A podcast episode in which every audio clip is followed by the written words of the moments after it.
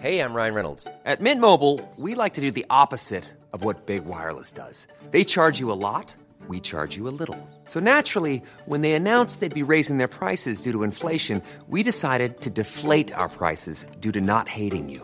That's right. We're cutting the price of Mint Unlimited from $30 a month to just $15 a month. Give it a try at mintmobile.com slash switch. $45 upfront for three months plus taxes and fees. Promo rate for new customers for limited time. Unlimited more than 40 gigabytes per month. Slows. Full terms at mintmobile.com.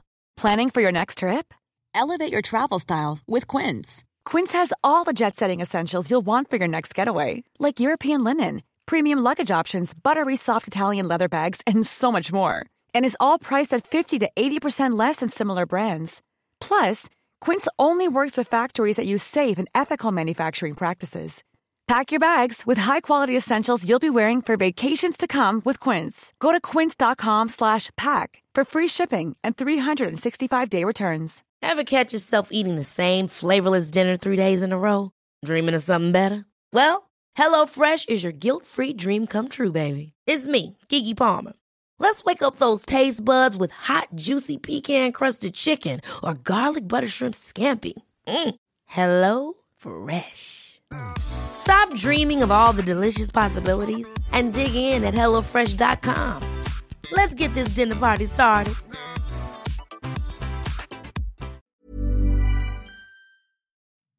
I ett charmigt litet hus i Raymond, Washington bodde familjen Notek. Familjen bestod av mamma Michelle, eller Shelley, pappa David och deras tonårsdotter Tori. Shelley hade även två andra döttrar som vid det här laget hade flyttat hemifrån. Familjen hade sedan slutet av 80-talet valt att låta vänner som hade det svårt av olika anledningar bo hemma hos dem tills de kom på fötter igen. Samtliga personer de tog in valde dock att plötsligt och oväntat lämna staden och starta om på nytt någon annanstans. Det som ingen i Raymond anade var vad som egentligen pågick bakom den idylliska fasaden som familjen Notek hade byggt upp. Ett hem fyllt av tortyr, våld och mord som till slut avslöjades år 2003 när Shelleys egna döttrar valde att avslöja den fruktansvärda sanningen en gång för alla.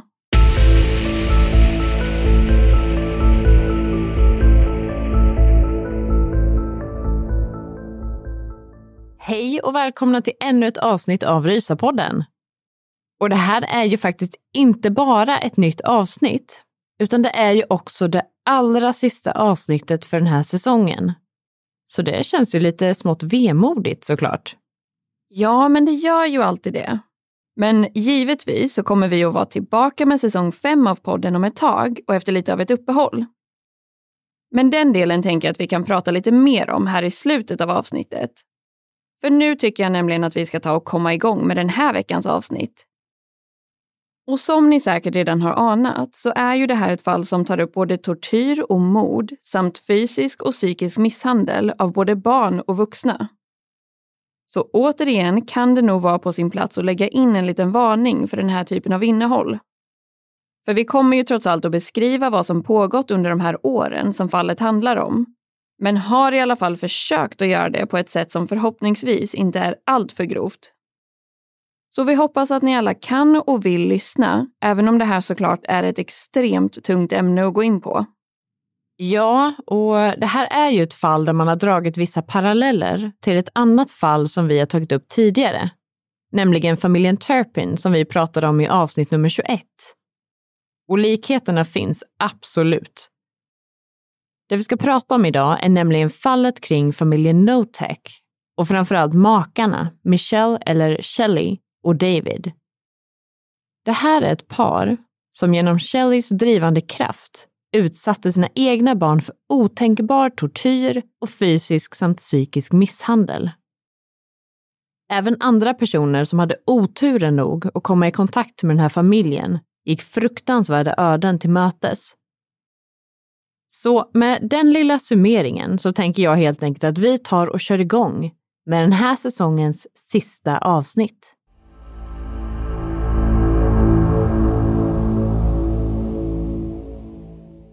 Michelle Watson föddes den 15 april år 1954 i den lilla staden Raymond som ligger i delstaten Washington i USA. Här växte Michelle, eller Shelley som hon kallades, upp tillsammans med sina två yngre bröder och initialt sina föräldrar. Hennes mamma Sharon och pappa Les var väldigt unga när de fick barn och relationen dem emellan var inte alls bra. Pappan valde därför att skilja sig från Shelleys mamma Sharon. Hon hade dessutom ett alkoholmissbruk och en dag så valde hon att lämna familjen. Det framkom senare, när Shelley var ungefär 13 år gammal, att hennes mamma hade träffat en ny man och flyttat till Kalifornien. Den här mannen i fråga hade därefter misshandlat henne så till den grad att hon till slut dog. Shelley bodde då delvis hemma hos sin farmor, men ibland även hos sin pappa och hans nya partner, Lara. Det finns en bok som handlar om Shelley, där författaren Greg Olsen har intervjuat familjemedlemmar och personer som stod Shelley nära för att skapa en bild av vem hon var. Den här boken heter If You Tell, A True Story of Murder, Family Secrets and the Unbreakable Bond of Sisterhood. Den är också skriven framförallt ur Shelleys döttrars perspektiv, men vi kommer att komma in lite mer på det här ämnet senare igen. Men i den här boken så har författaren bland annat pratat med Shelleys styvmamma Laura. Hon beskriver att när den då 13-åriga Shelley informerades om hennes mammas död så verkade hon inte bry sig nämnvärt. Och utifrån att hennes mamma hade ett missbruk och även valde att lämna familjen så kan man väl ha en viss förståelse för den här typen av reaktion. Eller snarare avsaknaden av reaktion. Samtidigt beskrivs det också att Shelleys beteende blev värre och värre allt eftersom att hon blev äldre. Och att utveckla ett destruktivt beteende skulle ju såklart ha kunnat vara just hennes sätt att hantera jobbiga känslor. Men nu ska vi inte börja spekulera allt för mycket här, så vi tar helt enkelt och återgår till själva fallet och till Shelleys uppväxt. Shelley bodde alltså delvis hemma hos sin pappa och styvmamma Lara men också till stor del hos sin farmor som hette Anna. Hennes pappa Les beskrivs ha varit ganska så, i brist på bättre ord, svag i sin föräldraroll. Han gav nämligen Shelley allt hon pekade på och hon kom undan med riktigt dåligt beteende utan några som helst konsekvenser. Styvmamman Lara beskriver i den här boken att hon redan då såg en del tendenser som var ganska skrämmande i Shelleys beteende. Hon var väldigt kontrollerande gentemot sina yngre bröder och svarade ofta åt dem när exempelvis Lara ställde en fråga till bröderna. Vidare så ljög hon väldigt ofta, startade bränder och stal ifrån sina familjemedlemmar. Ibland kunde hon också, som hämnd för något, lägga krossat glas i sina bröders skor. Hon hade ett stort uppmärksamhetsbehov och blev oerhört svartsjuk om hennes syskon fick uppmärksamhet och inte hon. Shelley spenderade som sagt en hel del tid hemma hos sin farmor Anna och hon beskrivs inte direkt som en särskilt trevlig kvinna. Hon uppges nämligen ha varit väldigt elak och dominant i sitt beteende. En kvinna som helt enkelt inte hade någon självinsikt, inte kunde se sin del i det hon gjorde och alltid ansåg sig ha rätt. Även hon ska ha varit oerhört kontrollerande och ska dessutom ha behandlat sin man otroligt dåligt. När Shelley var 15 år gammal så berättade hon för lärare på sin skola att hennes pappa våldtog henne. Det här visade sig inte alls stämma, men familjen fick utifrån det här uttalandet gemensamt gå och träffa en psykolog. Och jag tänker spontant att man idag har kommit en lång väg både vad gäller att se tecken på trauma, psykisk ohälsa och andra underliggande diagnoser. Men det här var ju alltså i slutet av 60-talet och de här samtalen ledde dessvärre inte till särskilt mycket alls innan de till slut lades ner. Efter det här så var Shelley inte längre välkommen tillbaka till skolan och hon började därefter på en katolsk skola istället. Efter en kortare tid där så valde även den skolan att inte låta henne återvända eftersom att de också hade uppmärksammat hennes manipulativa och kontrollerande beteende. När Shelley sen var 17 år gammal så gifte hon sig för första gången. Hon valde då att gifta sig och flytta ihop med en kille som hon hade dejtat under skoltiden som hette Randy Rivardo. Och de fick senare en dotter tillsammans. Och vi har verkligen försökt hitta de mest tillförlitliga källorna kring Shelleys barns födelsedatum.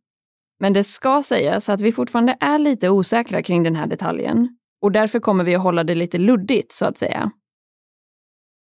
Men Shelleys äldsta dotter föddes i alla fall år 1974 eller 1975 och fick namnet Nicky. I relationen med Randy så var Shelley extremt kontrollerande och hon isolerade honom bland annat från sina vänner och sin familj. Han var den som skulle försörja familjen medan Shelley vägrade att jobba. De bråkade dessutom en hel del och till slut så valde Randy att lämna relationen. Shelley var ju dock en charmig tjej som inte hade några som helst problem att hitta killar som uppvaktade henne. Och kort därefter så träffade hon en ny man. Den här gången var det en granne vid namn Danny Long som hon valde att gifta sig med. De två fick också en dotter tillsammans som föddes år 1978 och fick namnet Sammy. Även äktenskapet mellan Danny och Shelley avslutades kort därefter utifrån Shelleys sätt att behandla sin man på. I början av 80-talet träffade Shelley sen sin tredje make, David Notek. Han var Vietnamveteran och arbetade vid den här tiden som byggarbetare. Han har beskrivits som en otroligt snäll och tystlåten man med ett ganska så dåligt självförtroende. David ansåg också att Shelley var den absolut vackraste kvinnan han någonsin sett. Tillsammans bodde de på en liten gård med ett fint hus och flera hektar tillhörande mark. Huset var omgivet av ett vitt staket och på gården fanns det hundar, katter, kaniner och fåglar. Huset var dessutom otroligt välskött och helt enkelt idylliskt till utseendet. Även i den här relationen krävde Shelley att David skulle jobba och försörja henne. Hon tog sedan hela hans lön varje månad och gav honom själv en liten fickpeng. Hon misshandlade honom psykiskt genom att bland annat kalla honom värdelös och säga att hon aldrig borde ha gift sig med honom. Skillnaden i den här relationen jämfört med tidigare var faktumet att David valde att stanna. Han tyckte oerhört mycket om både Nicky och Sammy och hade nu den familj som han alltid hade önskat sig. Men det skulle snart visa sig att Shelleys vidriga beteende inte var begränsat till just David. Shelley tvingade nämligen David att bestraffa barnen på olika sätt. Något som han initialt motsatte sig, men senare accepterade. Shelley kunde bland annat tvinga David att ta med en av döttrarna ut i trädgården, helt naken, för att sedan spruta ner henne med vattenslangen. Som straff för något som Shelley påstod att dottern skulle ha gjort när David var på jobbet. Shelley har beskrivits som en mamma som var kärleksfull ena sekunden. En mamma som lagade en god måltid, såg till att barnen duschade och lät dem sova gott i sina sängar. För att andra sekunden förvandlas och rent ut sagt bli ond. Hon kunde bland annat göra saker som att stjäla sidor ur barnens läxor och när de sen kom till skolan och inte hade med sig det de skulle så fick de kritik för det. När de sen kom hem igen så hade Shelley därför, i sina ögon, en anledning till att bestraffa flickorna och att kalla dem korkade. Hon kunde även låsa in döttrarna i en trång garderob och endast ge dem rutten mat att äta. Shelley kunde ibland också väcka flickorna mitt i natten, tvinga ut dem på tomten i sina pyjamasar och sen ta vattenslangen och spruta kallt vatten på dem mitt i vintern för att sen låta dem rulla runt på marken. Döttrarna lärde sig tidigt att klä sig långärmat för att dölja blåmärkena. Det var inte mycket som krävdes för att straff skulle utdelas, utan det räckte exempelvis att man hade gått på toaletten utan att be om tillåtelse. Kelly kunde även ta ifrån dem deras sängar så att flickorna fick sova på golvet, eller ännu värre, sova utomhus.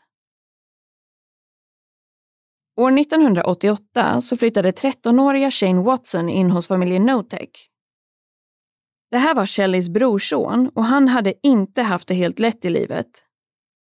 Hans pappa var aktiv i en mc-klubb och var kriminell, vilket gjorde att han åkte in och ut ur fängelse. Hans mamma hade ett aktivt drogmissbruk och även hon åkte in och ut ur fängelse. Shane bodde därför under en kort tid hemma hos sin mormor innan hon tragiskt nog blev mördad.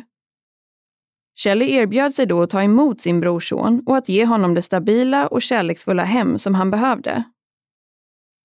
Riktigt så blev det tyvärr inte och Shane fick, tillsammans med Nicky och Sammy, utstå en extremt plågsam behandling. Shelley har beskrivits som en person som misstänks lida av sadistiska personlighetsdrag med psykopatiska tendenser. Hon har däremot aldrig diagnostiserats. Men man måste ju säga att det inte är särskilt svårt att förstå varför hon har beskrivits på det här viset och misstänks ha just de här dragen. För Shelley mobbade och torterade sina egna döttrar. Hon kunde bland annat göra saker bara för att skämma ut dem och för sitt eget nöjes skull. Exempelvis kunde hon tvinga dem att klippa av små tofsar av sitt könshår och sen stå och skratta åt dem när de skämdes. Hon kunde också tvinga dem till att dansa runt nakna tillsammans med sin kusin Shane för att förödmjuka dem. Utöver att göra saker för att skämma ut dem så utsattes de även för flera andra typer av hemsk behandling. Shelley kunde som sagt låsa in dem i små trånga utrymmen under en längre tid och vid ett tillfälle så körde hon Nickis huvud rakt genom en glasdörr. När Nickis ansikte droppade av blod ska Shelley bara ha skrikit “Kolla nu vad du fick mig att göra”. Sen hade hon också sina stunder där hon var den där mamman som tog hand om barnens alla sår. Sår som hon själv hade orsakat, ska ju då tilläggas. Shelley kunde verkligen överösa barnen med kärlek och såg till att de alltid hade de finaste kläderna och ägodelarna. Det här gjorde ju dessvärre också att ingen utomstående någonsin anade vad som faktiskt försiggick bakom stängda dörrar. Shane hade det dessutom extra tufft i hemmet. Han fick bland annat inte äta vanlig mat, han fick inte lämna huset utan övervakning och Shelley brukade ofta tvinga ut honom i bara kalsonger för att träna i leran. Och vid den här tidpunkten i fallet så är det återigen några årtal som har varit svåra att spika och som skiljer sig mellan olika källor. Men det årtal som framgår i den källa som vi anser säkrast är från en dom som har publicerats och då landar vi på år 1990. Shelley är vid den här tidpunkten gravid med sin tredje dotter och hennes och Davids första gemensamma barn. Runt den här tidpunkten gick Shelley dessutom och klippte sig hos en frisör som heter Kathy Loreno och de två blev inom kort goda vänner. Det här var en kvinna född 1958 och hon var alltså i tidiga 30-årsåldern vid den här tidpunkten. Kathy har beskrivits som en otroligt snäll, tystlåten och lugn kvinna som bland annat älskade att baka och se på TV. Hon bodde tillsammans med sina bröder och sin mamma. Men under året 1990 så förlorade hon först jobbet på grund av att hon inte kunde uppnå de säljmål som företaget hade. Efter det började hon även att bråka med sin mamma gällande en kille hon hade träffat som mamman inte tyckte om. Till slut valde Kathy att lämna hemmet och sa till sin familj att hon skulle bo hemma hos en väninna. Det gjorde hon också inledningsvis. Men sen träffade hon på Shelley som sa att Kathy kunde komma och bo hemma hos dem och hjälpa till med barnen i utbyte mot mat och husrum. Sagt och gjort, Kathy flyttade in hos familjen Notech och i samband med det här så föds även David och Shelleys dotter Tori. Kathy fick till en början ett varmt och välkomnande bemötande av familjen och hon kom väldigt bra överens med alla barnen. Men snart började Shelley fälla små kränkande kommentarer och det här var bara början. Efter det här följde nämligen en fruktansvärd tid präglad av både fysisk och psykisk misshandel. Under flera års tid pågick sedan den här grova misshandeln av Kathy bakom stängda dörrar i en publicerad dom som vi har tagit del av så står det beskrivet vissa av de saker som Kathy fick utstå. Det står bland annat att hon blev slagen, dragen över golvet, förgiftad och att hon tvingades hälla blekmedel och salt i såren som uppkommit av misshandeln. Kathy tvingades även att arbeta naken eller i minimalt med kläder utomhus tills dess att hon fick hypotermi. Och kort beskrivet så kan man säga att hypotermi enligt 1177 Vårdguiden innebär att kroppstemperaturen sjunker, vilket kan leda till olika konsekvenser beroende på hur pass nedkyld man blir. Redan vid någon grads sänkning, när kroppstemperaturen ligger runt 35-36 grader, så kan man märka av bland annat trötthet, förvirring och försämrad koordinationsförmåga.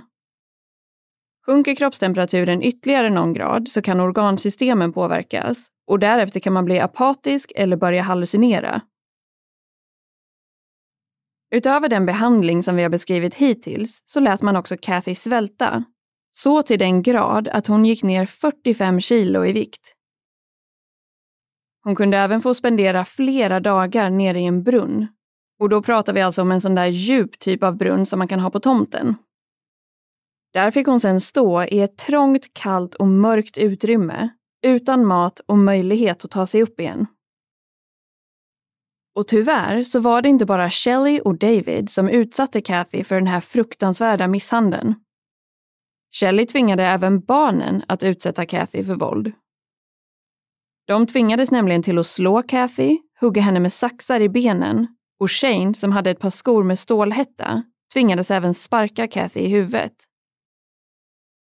Om barnen motsatte sig, vilket de ska ha gjort vid vissa tillfällen, så visste de att det troligtvis skulle vara de själva som fick utstå den här misshandeln istället.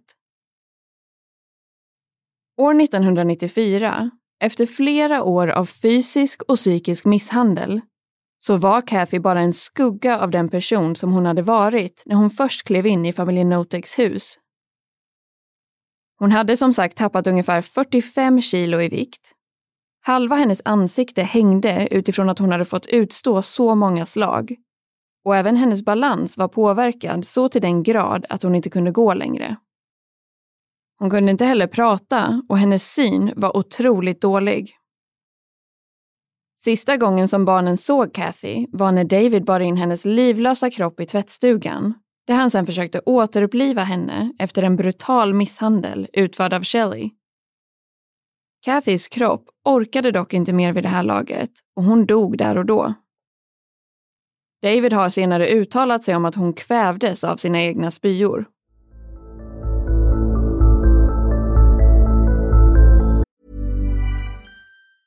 Many of us have those stubborn pounds that seem impossible to lose, no matter how good we eat or how hard we work out. My solution is PlushCare. PlushCare is a leading telehealth provider with doctors who are there for you day and night to partner with you in your weight loss journey. They can prescribe FDA-approved weight loss medications like Wagovi and Zepbound for those who qualify. Plus, they accept most insurance plans. To get started, visit plushcare.com slash weight loss. That's plushcare.com slash weight loss. Hey, it's Paige DeSorbo from Giggly Squad. High quality fashion without the price tag. Say hello to Quince. I'm snagging high-end essentials like cozy cashmere sweaters, sleek leather jackets, fine jewelry, and so much more. With Quince being 50 to 80% less than similar brands.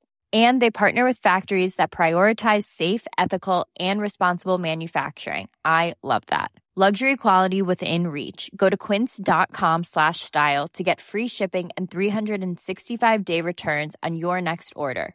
Quince.com slash style.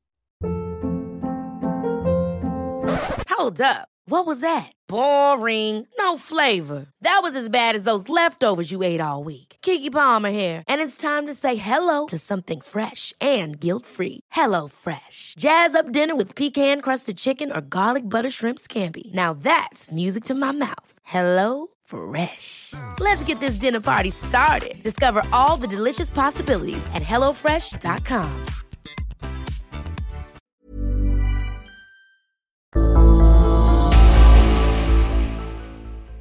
Efter att Kathy hade dött så beordrade Shelley David och Shane att göra sig av med hennes kropp. Under tiden som de gjorde det så tog Shelley med sig barnen till ett motellrum där de fick övernatta. David och Shane eldade upp Kathys kropp och gjorde sig därefter av med askan.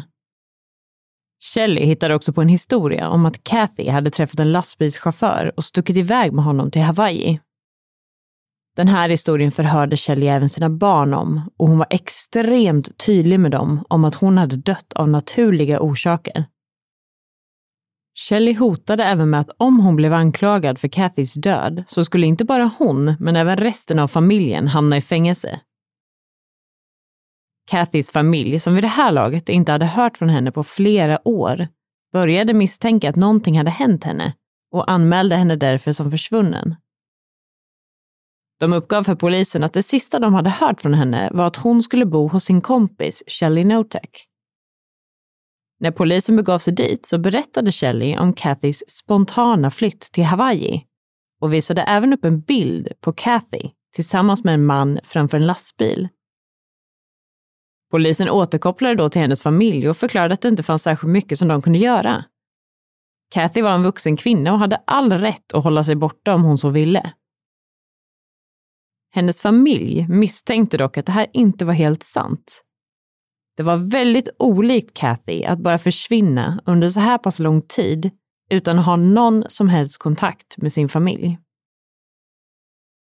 18 månader efter Cathys försvinnande så försvinner även Shane. Det visade sig då att Shane, som vid tidpunkten för Cathys mord var 19 år gammal, hade fått nog. Han hade därför valt att ta polaroidbilder på hennes livlösa kropp som han sedan hade gömt undan och tänkte visa för polisen. Shelley fick tyvärr reda på det här. Och enligt flera källor så ska Shane ha visat de här bilderna för Nicky, som i sin tur ska ha berättat det för Shelley. När den här informationen väl nådde Shelley så valde hon att tvinga David till handling. Det här leder till att i februari 1995 samma år som Shane skulle fylla 20 år så skjuter David honom i huvudet. Även Shanes kropp ska sedan ha bränts upp och askan ska bland annat ha dumpats vid en närliggande strand. Efter Shanes plötsliga försvinnande så anmäler Shelley att han har rymt och att han ska ha tagit sig till Alaska för att jobba på en fiskebåt.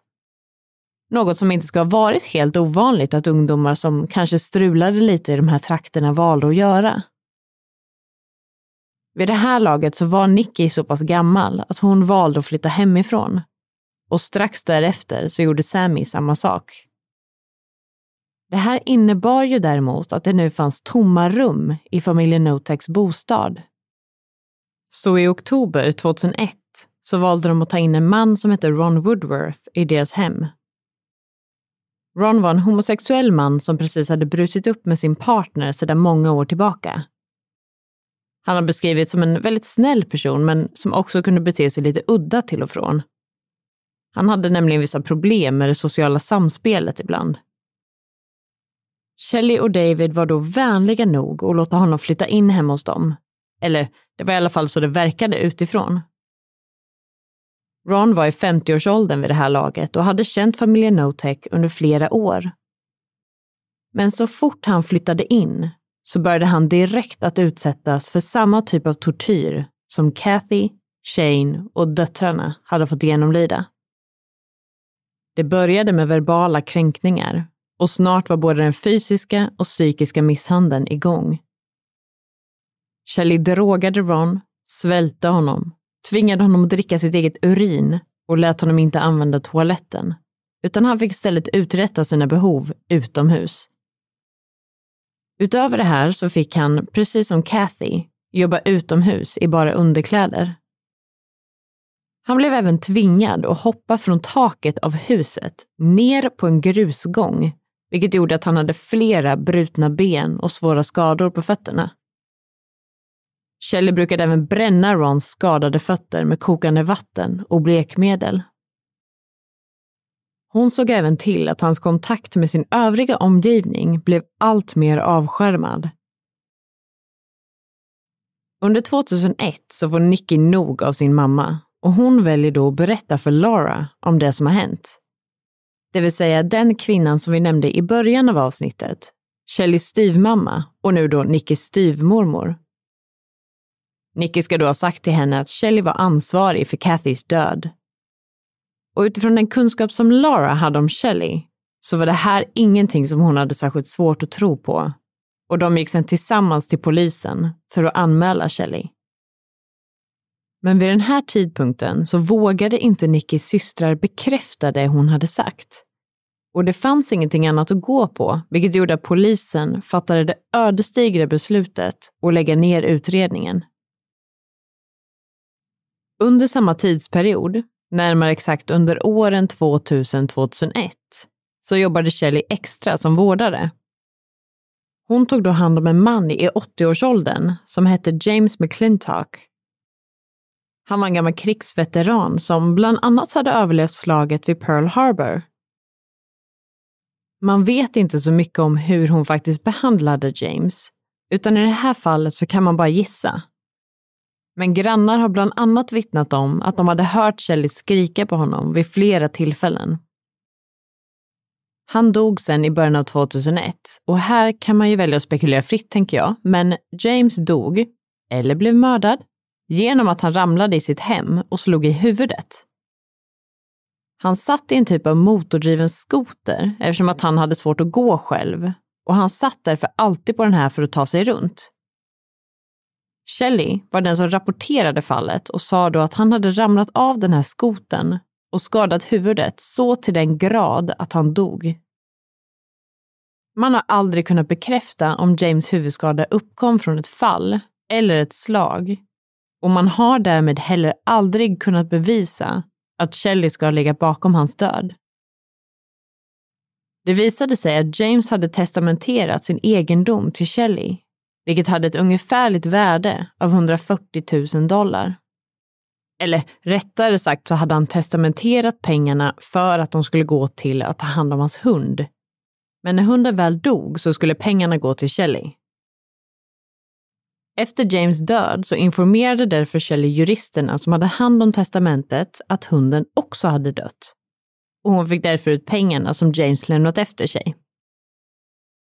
För alla djurvänner där ute så kan vi dock meddela att hunden inte alls var död, utan den bodde hemma hos familjen Notech och hade det betydligt bättre än människorna som bodde i huset. Som bland annat Ron Woodworth. Även han försvann nämligen spårlöst år 2003 och Shelley sa då till personer som frågade att han hade fått ett nytt jobb i Tacoma, Washington. Men sanningen var däremot något helt annat, nämligen att Ron hade dött till följd av sina skador. Shelley ska då ha ringt upp David när han var på jobbet och förklarat att Ron hade tagit sitt eget liv. Den här gången så valde David att begrava Ron ute i familjens trädgård.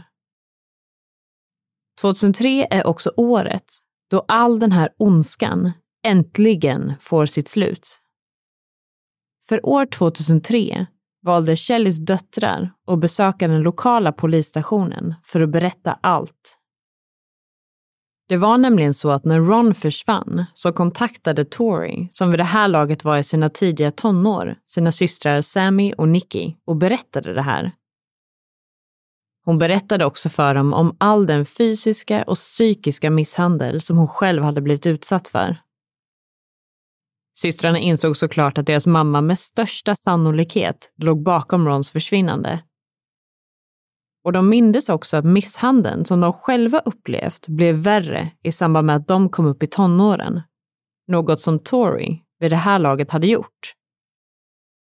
Nicky och Sammy valde då att gå till polisen i augusti 2003 och berättade om den hemska och osannolika tillvaron som de levt med under hela sin uppväxt.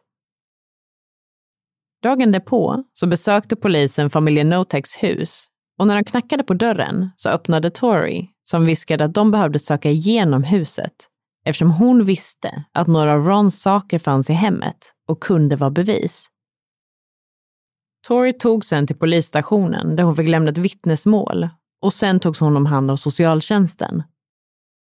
De i sin tur valde sen att placera henne hos sin syster Sammy. Under den här tiden så var Shelley och David kvar i huset och polisen hade ju varit där och tagit Tori och de visste egentligen inte mer än så. David gick därför ner till polisstationen i syfte att hämta hem sin dotter så fort polisen frågade David om Ron och Kathy så bröt han ihop och erkände allt. Efter det här så hämtade polisen även in Shelley. När polisen sökte igenom familjens egendom så hittade de Rons kropp begravd i trädgården och i augusti 2003 så greps både David och Shelley. David erkände inte bara att han hade begravt Ron ute i trädgården, utan dessutom att han hade skjutit Shane och gjort sig av med hans kropp och att han hade gjort sig av med Cathys kropp. David ska dock senare under processen och rättegången ha hävdat att Shanes död inte var planerat, utan att det var en olycka och att han helt enkelt hade råkat skjuta Shane.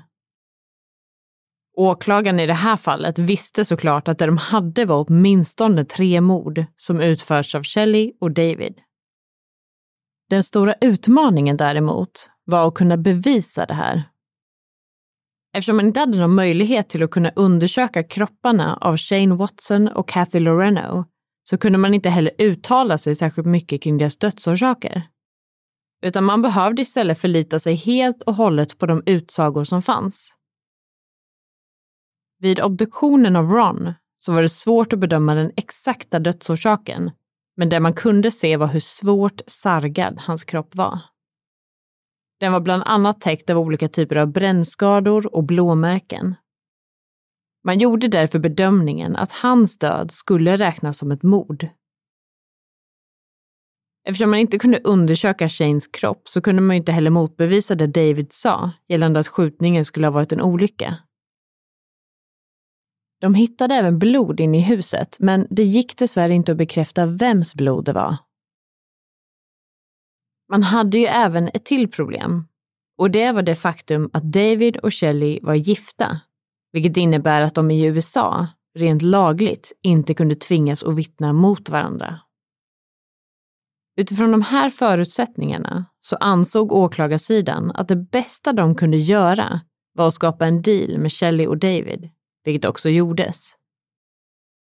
Åklagarna har senare uttalat sig om att de inte är nöjda med de domar som blev, eftersom att de tror att om de rent lagligt hade kunnat få Shelley och David att vittna mot varandra så skulle de ha varit dömda för mord av första graden idag. Initialt så yrkade åklagaren alltså på mord av första graden gällande Shane Watson, men det blev till slut en så kallad plea deal, det vill säga att försvaret och åklagarsidan gjorde en överenskommelse. År 2004 så dömdes David Notek till 15 års fängelse för mord av andra graden gällande Shane Watson och det som vi har valt att översätta som brott mot griftefriden samt medhjälp till kriminella handlingar. Han avtjänade därefter totalt 13 år på anstalten Monroe Correction Center i Washington och blev frigiven 2016. Michelle Shelley Notek åtalades initialt för mord av andra graden och dråp för Kathy Loreno och Ron Woodworth. Även i det här fallet så gjordes en överenskommelse, men också en så kallad Alfred plea, som vi har pratat om i ett tidigare avsnitt. Det vill säga att Shelley aldrig erkände sig skyldig till någon av dödsfallen, men att hon tog på sig det juridiska ansvaret för dem. Utifrån det här så blev hon dömd till 22 års fängelse för mord av andra graden och dråp. Ett straff som hon än idag avtjänar på Washington Correction Center for Women. Åklagaren uttalade som att Shelley visade en extrem likgiltighet gentemot mänskligt liv. Hon försökte också senare att överklaga den här domen, bland annat på grunden att hon inte hade förstått vad det innebar att ingå i den typ av deal som hon hade gjort något som hon då nekades. Shelley har dock möjlighet att bli villkorligt frigiven nästa år, det vill säga år 2022. Hon kommer då avtjänat 19 år i fängelse. Döttrarna Nicky, Sammy och Tori har uttalat sig en hel del om Shelley och David. Både i media, men framför allt i den boken som vi nämnde tidigare i avsnittet. Det var nämligen döttrarna själva som initierade den här kontakten under 2017. De ville att den kända true crime-författaren Greg Olsen skulle skriva den här boken av den simpla anledning att deras mamma kommer att bli frigiven snart och de vill inte att hon ska ha möjligheten att kunna lura och skada fler människor. Boken kom ut år 2019 och heter som sagt If You Tell, A True Story of a Murder, Family Secrets and the Unbreakable Bond of Sisterhood. Alla tre döttrarna har otroligt nog, trots allt de har varit med om, kunnat gå vidare med sina liv och har idag egna familjer. Nikki, den äldsta av döttrarna som är i 45-årsåldern, bor i närheten av Seattle med sin man och sina tre barn. Hon driver tillsammans med sin man ett företag inom landskapsarkitektur. Sammy, som är i 40-årsåldern, jobbar som lärare. Även hon har tre barn och bor kvar i Raymond där familjen bodde. Den yngsta av döttrarna, Tori, som är i 30-årsåldern, bor i Colorado och jobbar inom sociala medier. Döttrarna träffas kontinuerligt men ingen av dem har någon kontakt med sin mamma. De ser en kontakt med henne som ett hot. Inte bara gentemot dem själva, men även deras familjer. Sammy har uttalat sig i tidningen The Sun angående den boken som de med hjälp av Greg har gett ut och sagt att hon ville att alla skulle få veta sanningen om hennes mamma. Hon kommer snart ha möjligheten att kunna släppas fri igen och hon ska då inte kunna dölja det hon har gjort. Sammy citeras även med att säga följande ord om sin mamma. Hon är den mest manipulativa människa jag träffat och det kommer hon aldrig att växa ifrån. Jag tror inte att hon någonsin kan förändras och jag vill rädda människor från hennes manipulerande beteende. Tori har viss kontakt med sin pappa David och Sammy har haft kontakt med honom någon enstaka gång men känner sig väldigt ambivalent i den relationen. Nicky har ingen kontakt alls med honom. Hon kan varken glömma eller förlåta hans roll i allt det som hände under deras uppväxt. Författaren Greg Olsen fick även möjligheten att sätta sig ner med David inför att han skulle skriva den här boken. David har då uttryckt att han lever med och alltid kommer leva med en ångest och skuld över hans roll i allt som hände. Sammy beskriver det som att anledningen till att hennes mamma kunde kontrollera David på det här sättet var att han är en oerhört svag man. Hade han istället hamnat i en relation med någon annan så skulle han med största sannolikhet ha varit en underbar make och pappa. Men han hamnade med just Shelley och hans liv är nu förstört på grund av det. Vad gäller deras mamma så tror döttrarna inte att hon är kapabel till att känna skuld. Sammy uppger att första gången hon höll sin egen lilla dotter i famnen så kände hon att hon skulle göra precis allt för att skydda henne. Sen insåg hon att hennes mamma måste ha stått på precis samma sätt med henne i famnen. Och då tänkte Sammy att hennes mamma är en extremt ond människa. Ett annat citat från Sammy lyder så här. Hon sårade mig så mycket. Det var inte bara det att hon hade en dålig dag eller att hon var påverkad av någonting. Det var rent av metodiskt. Det finns inga tvivel hos Sammy om att hennes mamma är fullt kapabel till att göra samma sak igen när hon väl kommer ut. Shelley har även fortsatt sitt manipulativa beteende inne i fängelset, så till den grad att hon inte längre får dela cell med någon. Om hon väljer att söka upp sina döttrar i samband med att hon släpps på fri fot, så har de sagt att de kommer låsa alla dörrar och ringa polisen.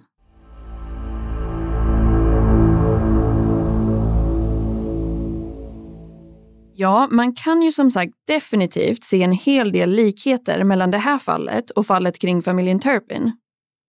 Och det fortsätter att skrämma mig hur pass mycket man faktiskt kan komma undan med bakom stängda dörrar. Och i det här fallet var det ju inte ens alltid det när jag tänker efter. För viss tortyr skedde ju ändå utomhus. Om man hade sett en person hoppa från ett tak ner på en grusgång eller en ung kille som tränar i lera ute i kylan så hoppas jag verkligen att man hade reagerat på det. Sen är det ju lite svårt att uttala sig om eftersom att vi inte har koll på hur pass avlägset de bodde. Och de hade ju dessutom en hel del mark, så det kanske gick att dölja på något vis.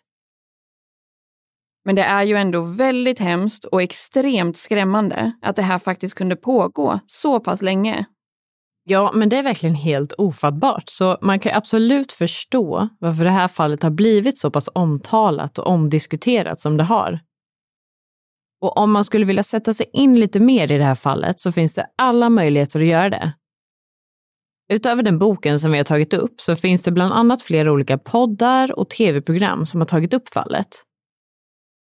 Tv-programmen är exempelvis Wicked Attraction, Sins and Secrets och Snapped. Även i de här programmen så får man dock ha lite förbehållning för att informationen inte alltid stämmer överens. Vilket verkar vara ganska så genomgående i det här fallet. I ett av de här avsnitten så har till exempel döttrarna helt andra namn, vilket såklart blir lite förvirrande. Och det ska sägas att vi verkligen har letat och letat för att kunna bekräfta alla åldrar och andra viktiga årtal. Men vi brukar ändå tänka att om vi inte kan bekräfta någonting, då är det bättre att lämna det lite öppet istället för att ge felaktig information. Så vi körde helt enkelt lite på det spåret för just det här fallet. Ja, men precis. Och det här är ju som sagt, sorgligt nog, det allra sista avsnittet för den här säsongen. Och vi kommer ju självklart att komma tillbaka igen med nya färska avsnitt. Men det kommer innan dess att bli lite av en paus för att vi ska hinna vara lite lediga i sommar och framförallt för att vi ska hinna jobba i kapp med de nya avsnitten. Men en helt ny säsong kommer oavsett att släppas, ungefär i samband med att höstmörkret börjar smyga sig på ordentligt. Och mer exakta datum kommer vi att återkomma med lite senare. Men om det känns lite tomt och ni behöver någonting att fylla ut ert poddlyssnande med, så har vi ju som sagt blivit med Patreon. Och där kommer det bland annat finnas så kallade miniavsnitt att ta del av varje månad, även under det här uppehållet. Så ni får ju hemskt gärna signa upp er där, så kan vi förhoppningsvis hänga lite tillsammans även under sensommaren. Och tills dess att vi är tillbaka igen med säsong 5. Yes, och de här så kallade miniavsnitten kan vi ju kanske ta och förklara lite grann. Vi får ju nämligen in otroligt många bra tips av alla er som lyssnar. Och ibland så hittar vi intressanta fall som inte riktigt har tillräckligt med information för att bli ett så pass långt avsnitt som vi bedömer att våra vanliga avsnitt borde vara. Däremot så tycker vi att det känns väldigt tråkigt att inte göra någonting alls med alla de här fallen. Så där föddes själva idén med just miniavsnitt. Det är samma typ av ämnen och fall som vi brukar ta upp, men med lite mindre information helt enkelt. Eller så kan det vara olika typer av fall som vi av andra anledningar har valt att inte ta upp som ett vanligt avsnitt, men som ändå förtjänar att vara med på ett hörn. Ja, och sen finns det ju faktiskt lite annat kul inne på Patreon-sidan också. Som bland annat bloopers från studion och lite diskussioner och material kopplat till tidigare avsnitt och potentiella framtida ämnen. Vi har även lite planer på att sätta ihop en Q&A eller frågestund inom en snar framtid där inne. Så vi tar hemskt gärna emot olika typer av frågor som ni kan tänkas ha till oss om både stort och smått och högt och lågt. Så ska vi såklart se till att försöka besvara så mycket vi bara kan och så bra vi bara kan. Det ska vi absolut se till att göra. Men nu får det lov att vara färdigpratat om Patreon. För vi vill ju också passa på att tacka alla er där ute som varit med och lyssnat, kommenterat och skickat mejl till oss under den här säsongen. Det är så otroligt uppskattat att ni engagerar er i det jobbet som vi gör med podden. Och vi är så enormt tacksamma för det. Och med det vill vi såklart avsluta genom att skicka med ett stort tack för att just du har valt att lyssna på den här säsongen av Rysapodden.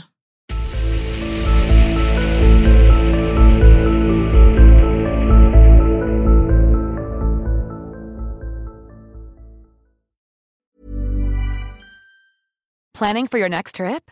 Elevate your travel style with Quince. Quince has all the jet setting essentials you'll want for your next getaway, like European linen, premium luggage options, buttery soft Italian leather bags, and so much more. And is all priced at 50 to 80% less than similar brands. Plus, Quince only works with factories that use safe and ethical manufacturing practices. Pack your bags with high-quality essentials you'll be wearing for vacations to come with Quince. Go to quince.com slash pack for free shipping and 365-day returns. Ever catch yourself eating the same flavorless dinner three days in a row? Dreaming of something better? Well, HelloFresh is your guilt-free dream come true, baby. It's me, Gigi Palmer.